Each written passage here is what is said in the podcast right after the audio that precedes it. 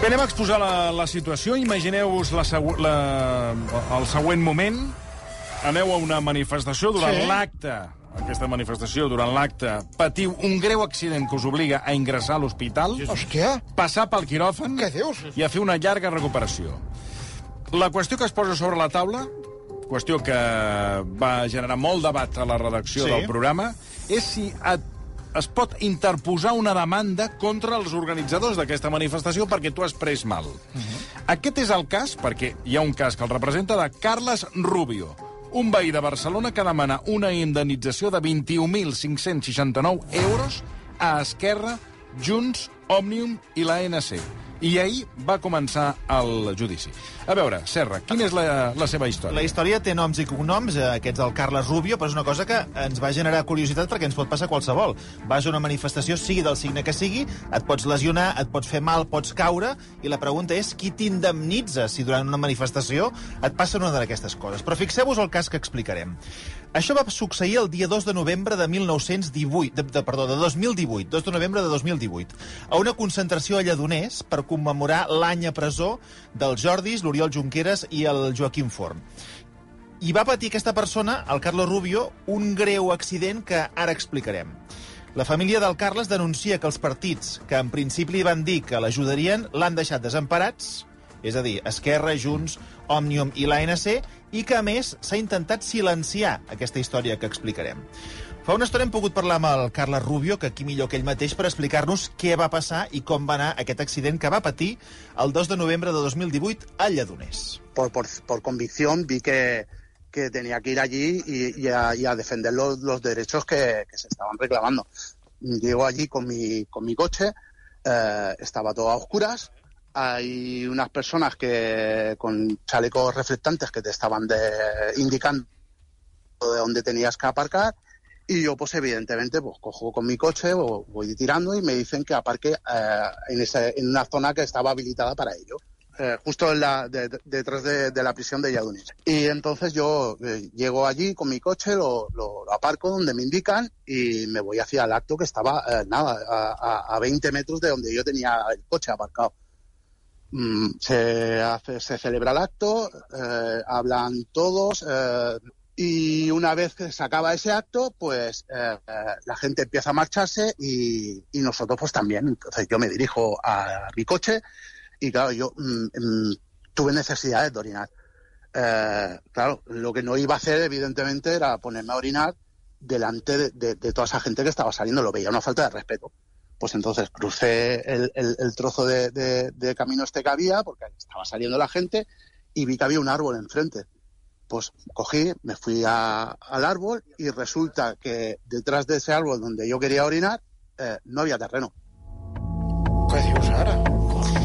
Clar, o sigui, per estalviar-se problemes, ell hauria, o podia haver, hagut, eh, podia haver orinat al pàrquing. Però clar, ell va dir que, hi ha- tenint en compte que gent, tornava hi ha una riuada de gent, no li exacte. semblava un lloc adequat. A banda que m'imagino que va allà al voltant espai. no hi havia cap, cap ni un bar, ni... No, no, res. Lledoners, l'esplanada de Lledoners. No, no hi ha No hi ha res per, per anar a fer un... si va, tens tro necessitats. va trobar un arbre, va pensar que es podia amagar darrere d'aquell arbre, Clar. i darrere d'aquell arbre no hi havia res. és que no t'imagines que de, de, de, darrere l'arbre no, no, no hi hagi res. Jo veig a l'arbre i dic, ostres, l'arbre ha de tindre res, no? Crec jo.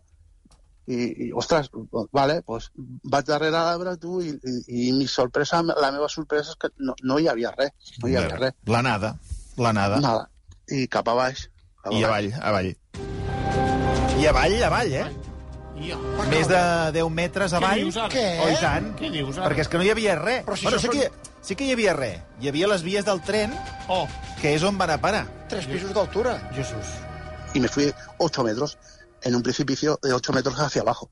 I on vas anar a parar? I com va ser aquest a, las rescat? vi- a las vías del tren de, de Alladonés, a las vías del tren que, que, pasa un tren por ahí, que yo no lo sabía, y, me, y me puse a pedir socorro. Me puse a pedir socorro eh, porque no me escuchaba nadie y con la, con la fortuna que tuve que hubo una mujer que estaba cruzando ese puente y, y, me, escuchó.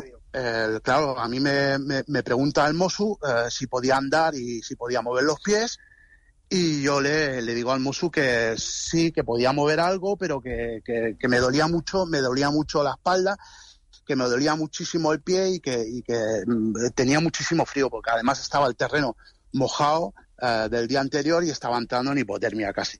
El mozo lo primero que me dice, me dice, hostia, eh, ¿pero qué has hecho? Y le dije, nada, eh, la gente se estaba yendo y me, quise poner a, a orinar. Hosti, noi. El mosso el troba perquè va demanar socors i, clar, el mosso li diu, bueno, què fa vostè aquí? Eh, entre les vies del tren, 8 eh, metres de caiguda, Bueno, i ell li explica. I la feinada, eh? I, I no hi havia res. No hi havia res. Hi havia l'arbre i a darrere, doncs, Res. avall, Perquè era fosc i negre. era fosc i negre i no hi havia cap senyalització. I la feinada que van tenir per treure'l d'allà.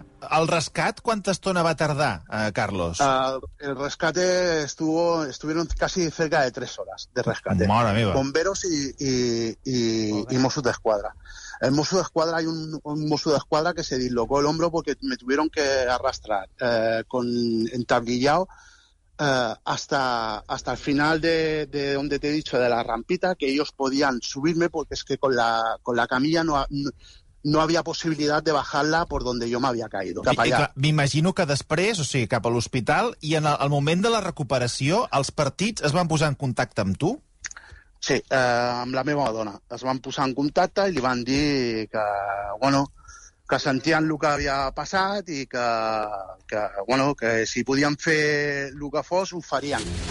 Per tant, solidaritat dels partits. Recordem que, en teoria, ell apunta a Esquerra, Junts, l'Òmnium i l'ANC, i, evidentment, després un accident que li podia haver costat la vida, perquè tinc aquí el que li va passar.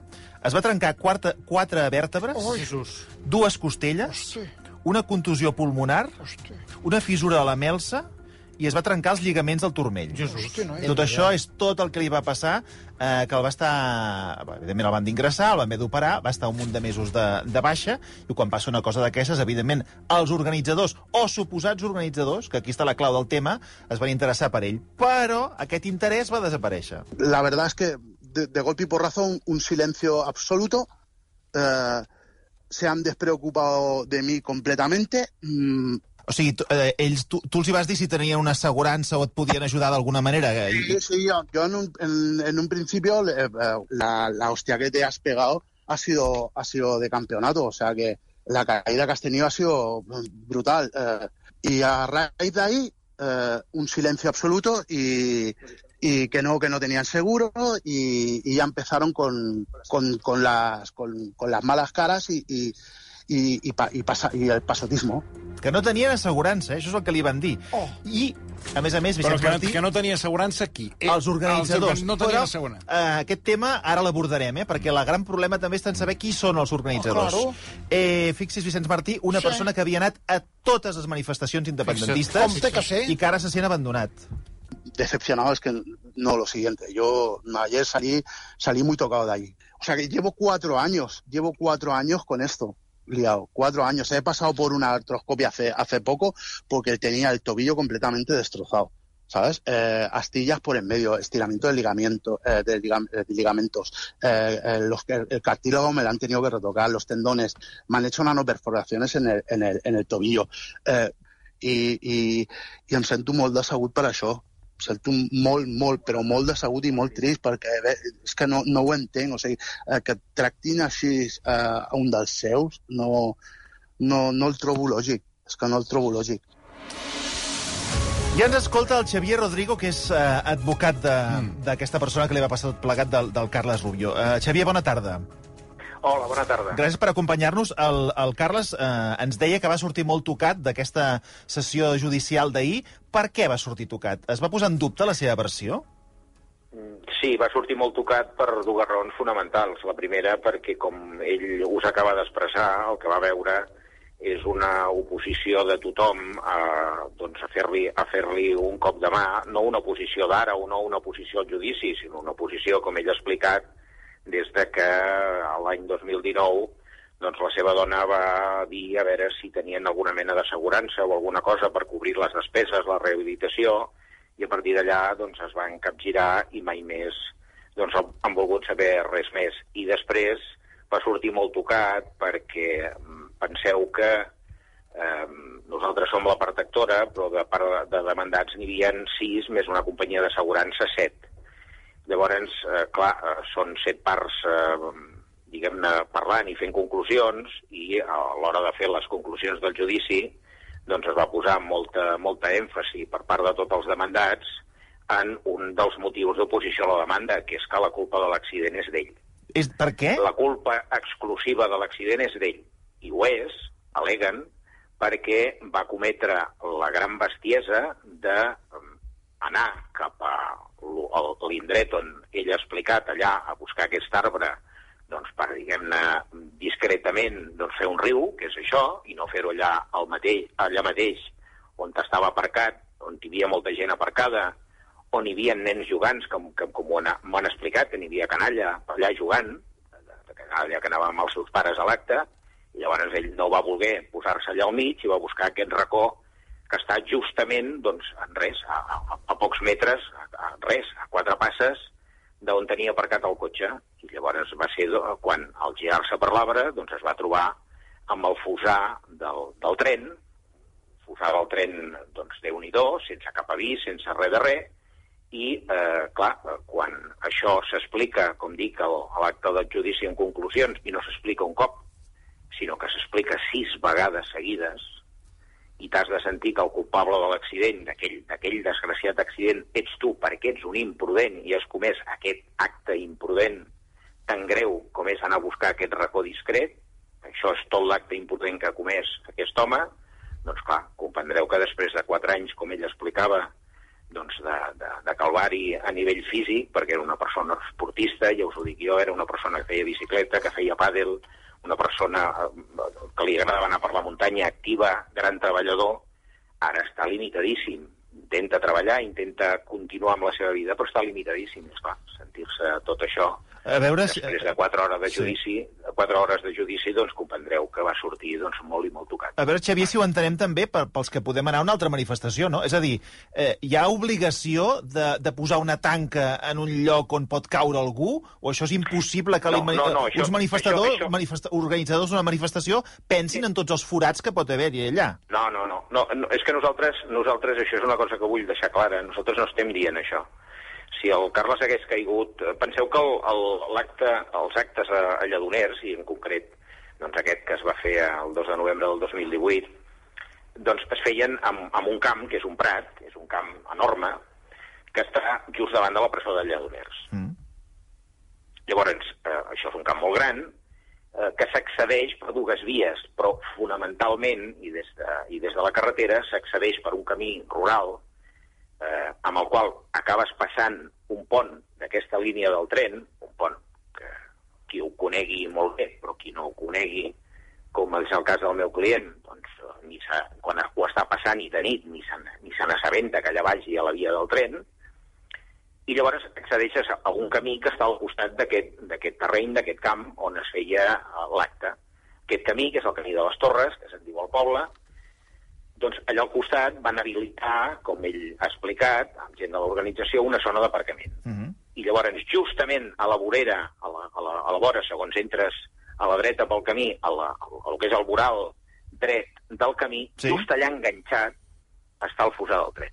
Just allà enganxat. I llavors estava, no com està ara, perquè després de l'accident es van fer unes modificacions prou importants amb les quals primer hi ha visibilitat i segon hi ha un impediment perquè tu vagis caminant i normalment puguis caure com li va passar a ell. Mm.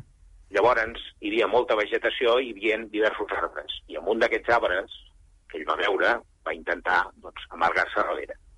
Tot això estava just al límit. I com dic allà mateix, clar, eh, el perill d'aquell fosar amb aquella zona a tocar de la zona d'aparcament amb centenars i centenars de persones, doncs, com a mínim, els organitzadors el que havia d'haver fet, entenem nosaltres, donat aquest perill manifest d'aquell forat enorme que qualsevol podia caure i, de fet, el fill del, del Carlos doncs ja m'ha dit que ha contactat amb moltes persones que li han dit vam estar a punt de caure, vam fer el mateix que el teu pare i, i quasi bé jo me'n vaig anar cap a baix i, i, no, i no vaig caure de miracle.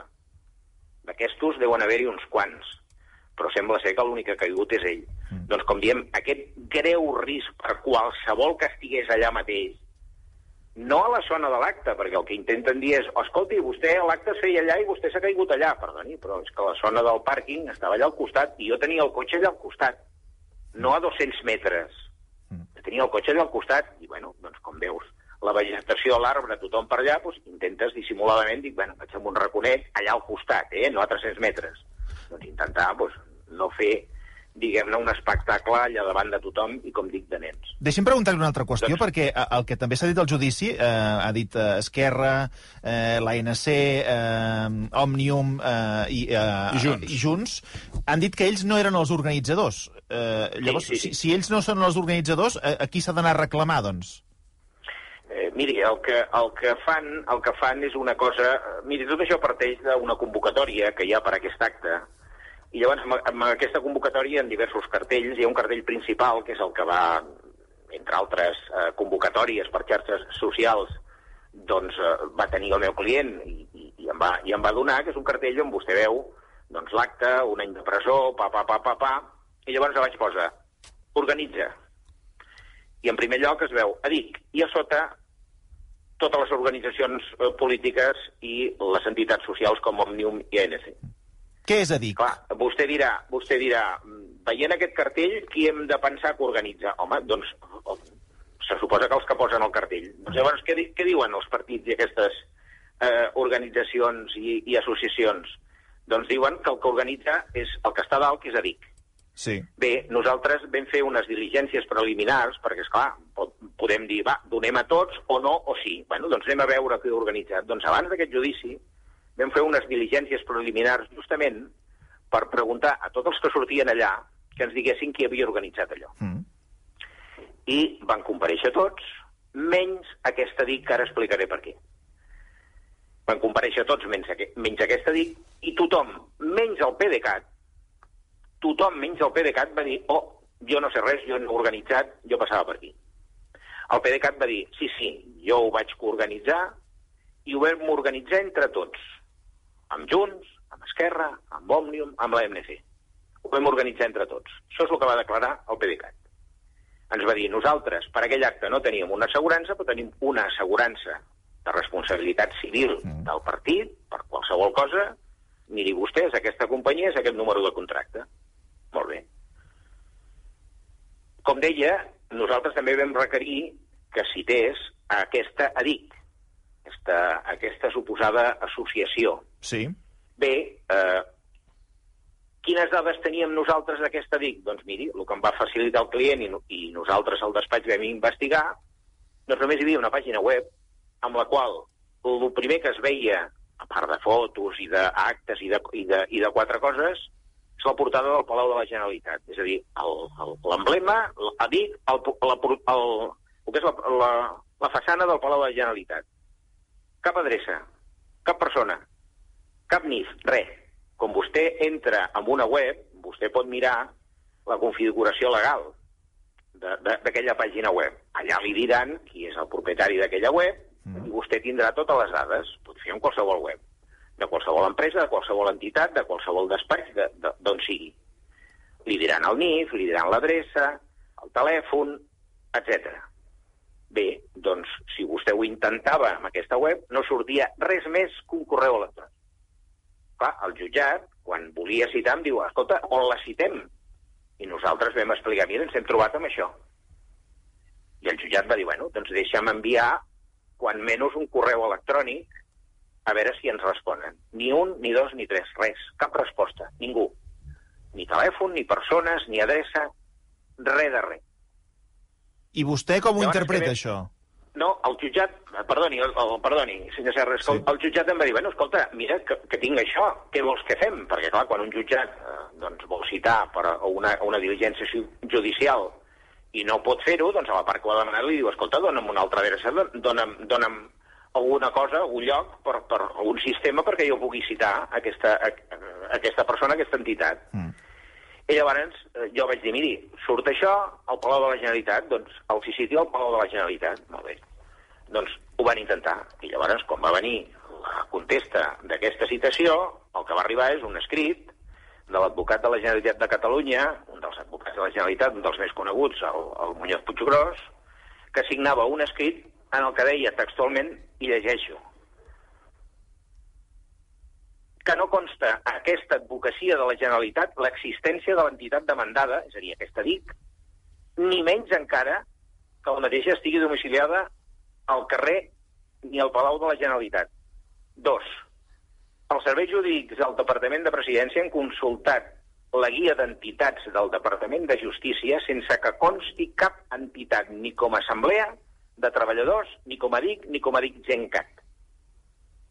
Bé, com vostè pot comprendre, amb això davant em diu el jutjat, bueno, què vols fer-hi? I dic, bueno, doncs, si no tenim on citat, ni existeix, ni està registrada, ni res de res, doncs a qui no existeix difícilment se li pot citar. I no la vam citar. I com pot vostè comprendre, després quan vam fer la demanda, doncs a qui no existeix, doncs òbviament no se'l pot demandar ni se'l pot demanar responsabilitat perquè no existeix. Però, però els, els partits, Esquerra, Junts, saben qui són aquesta gent? Ho dic perquè bueno, figurava Sí, com miri, a organitzadors, si saben, no? Si ho saben, ho callen. Jo li puc donar la meva opinió personal i li puc donar el que jo després d'aquesta incidència amb les diligències preliminars vaig investigar doncs, a nivell periodístic. Perdoni que li digui, jo tinc un fill que és periodista d'un d'un mitjà molt conegut i li vaig dir, mira, noi, m'he trobat amb això. Pots eh, esbrinar amb els teus amics, companys i col·legues, si plau, a veure què em pots trobar d'això?